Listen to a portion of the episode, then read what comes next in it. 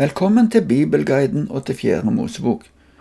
Da Israel kom til sørgrensa av Kanan, sendte Moses speidere inn i landet. Etter 40 dager kom de tilbake med rapport om at det var et godt land, men at de som bodde der, var store og sterke. Det førte til at folket mista motet på å dra inn i det landet. Det ble en dramatikk i leiren. Det så vi på sist gang. Det endte med at Gud ville utslette folket og begynne på nytt med Moses. Men Moses ba om at Gud måtte tilgi folket. Vi har nå kommet til vers 20 i kapittel 14. Det er der Gud svarer Moses på hans bønn for folket, og vi skal lese videre ifra vers 20. Vi leser helt til vers 38 i sammenheng. Da sa Herren, jeg tilgir dem slik du ber om. Men så sant jeg lever, så sant Herrens herlighet fyller hele jorden. Ingen av disse mennene som har sett min herlighet og sett de tegnene jeg gjorde i Egypt og i ørkenen, og som likevel har satt meg på prøve for tiende gang og ikke hørt på det jeg har sagt. Sannelig, ingen av dem skal se landet jeg med ed lovet fedrene deres. Ingen som forakter meg, skal se det. Men Caleb, min tjener, har en annen ånd i seg, og han har fulgt meg trofast. Derfor vil jeg føre ham inn i det landet han har vært i, og etterkommerne hans skal få innta det. Men i dalene bor amalekittene og kananeerne. I morgen må dere snu og dra ut i ørkenen, langs veien mot Sivsjøen. Herren sa til Moses og Aron, Hvor lenge skal denne onde menigheten klage til meg? Jeg har hørt hvordan israelittene klager over meg. Si til dem, så sant jeg lever, sier Herren, som dere har ropt meg i øret, slik skal jeg gjøre med dere. I denne ørkenen skal likene deres bli liggende, alle dere som ble mønstret i manntallet, alle fra 20 år og oppover som har klaget over meg. Ingen av dere skal komme inn i landet som jeg med løftet hånd sverget at dere skulle få bo i ingen uten Kaleb, Jefunes sønn, og Josfa, Nuns sønn. Men småbarna deres, som dere mente ville bli fiendens bytte, dem skal jeg føre inn. De skal lære å kjenne landet som dere vraket. Men likene av dere skal bli liggende her i ørkenen, og barna deres skal være gjetere i ørkenen i 40 år. De skal lide for deres utroskap til den siste av dere ender som lik i ørkenen.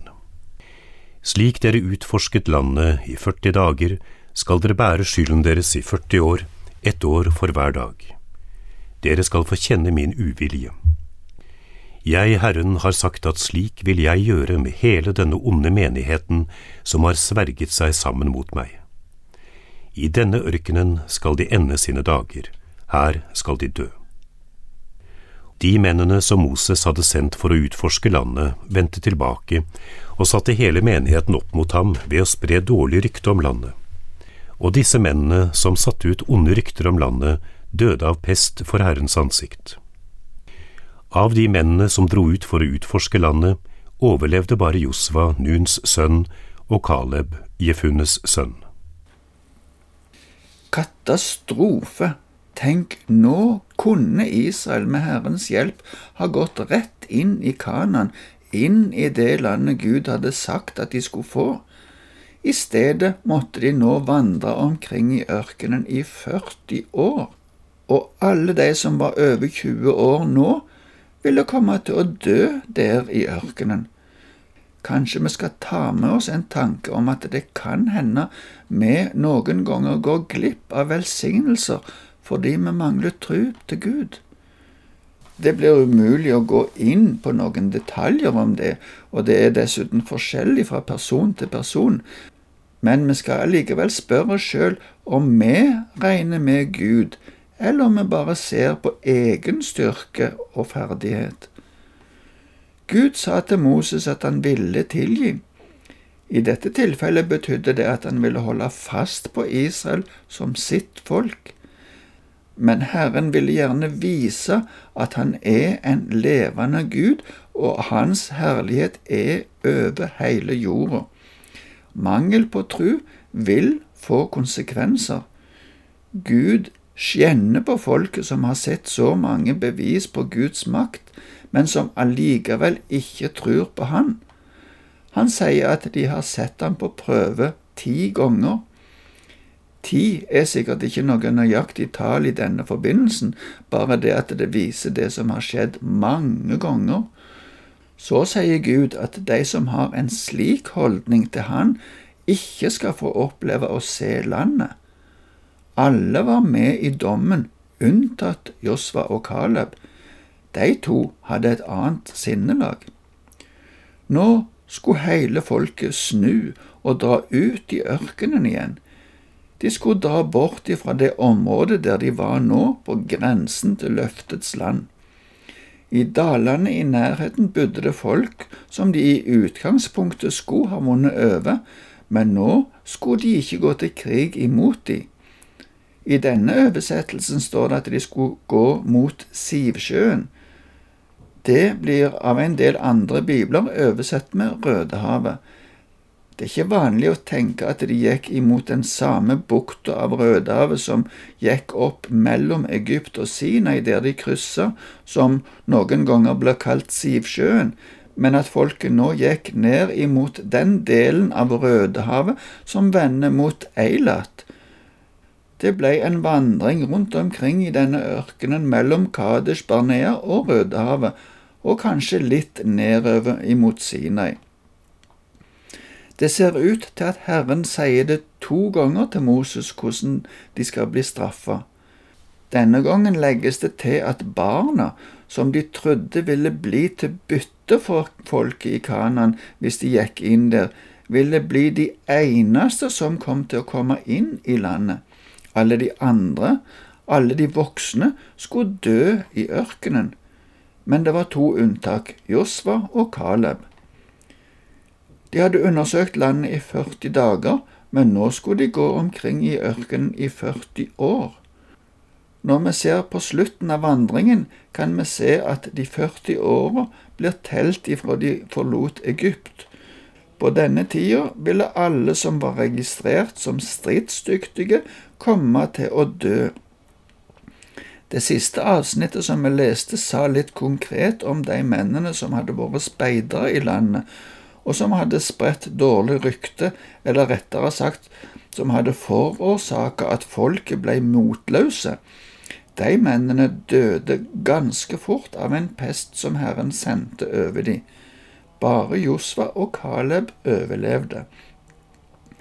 Det som Herren hadde sagt til Moses, skulle så Moses si videre til folket. Det leser vi om i resten av kapittel 14. Vi skal lese det ifra vers 39 til 44. Da Moses sa dette til alle israelittene, ble folket grepet av dyp sorg. Neste morgen sto de tidlig opp og gikk oppover mot høydedraget.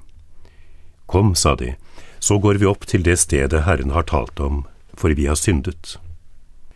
Men Moses sa, Hvorfor vil dere trosse Herrens ord? Dette kommer ikke til å lykkes. Gå ikke opp dit, for Herren er ikke midt iblant dere, dere vil bare bli slått av fienden. For der møter dere amalekittene og kananeerne, og da faller dere for sverd. Fordi dere har vendt dere bort fra Herren, vil han ikke være med dere. Likevel var de trassige og gikk oppover mot høydedraget. Men verken Herrens paktkiste eller Moses forlot leiren. Da kom de ned, både amalekittene og kananeerne som bodde på dette fjellet. De slo israelittene og forfulgte dem helt til Horma. Da Moses sa dette til israelittene, forsto de at de hadde gjort en stor feil. De ble grepet av dyp sorg, står det. Det var kanskje både anger for at de hadde mista motet til å dra inn i landet, og ikke minst smerte over at de nå kom til å bli værende i ørkenen helt til de døde. Helt til alle de voksne døde der i ørkenen.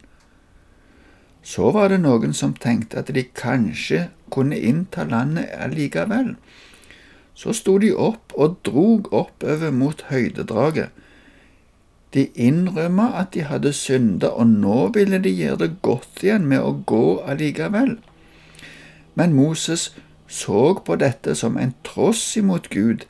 De aksepterte ikke det som Gud hadde sagt, og at de skulle snu og dra ut i ørkenen. Kanskje de trodde de visste bedre enn Gud hva som var best. Kanskje vi òg noen ganger tror vi vet hva som er best, uten å spørre Gud, og uten å gjøre det som vi ser er Guds ord og vilje. Moses og paktkisten forlot ikke leiren, og det kan godt hende at de som gikk, heller ikke var organisert som en hær, slik som de skulle ha vært. Moses sa at de ikke skulle gå, og at det var en ulydighet imot Gud, og at det derfor ikke ville lykkes, og at Herren ikke var med dem, og at de ville bli slått av folket som bodde der. Men de hørte ikke på Moses og gikk allikevel. Da kom amalekittene og kananerene som bodde der i fjellet, ned imot de. De slo israelittene og jaga de helt til Horma, står det. Horma betyr den ytterste grensen. Resten av Fjerde Mosebok er folket på vandring, for det meste i ørkenen, men på slutten av boka ser vi at Israel kommer imot Kanan på nordsida av Dødehavet. Det som skjer der, skal vi komme tilbake til når vi kommer til det, men nå slutter vi for i dag.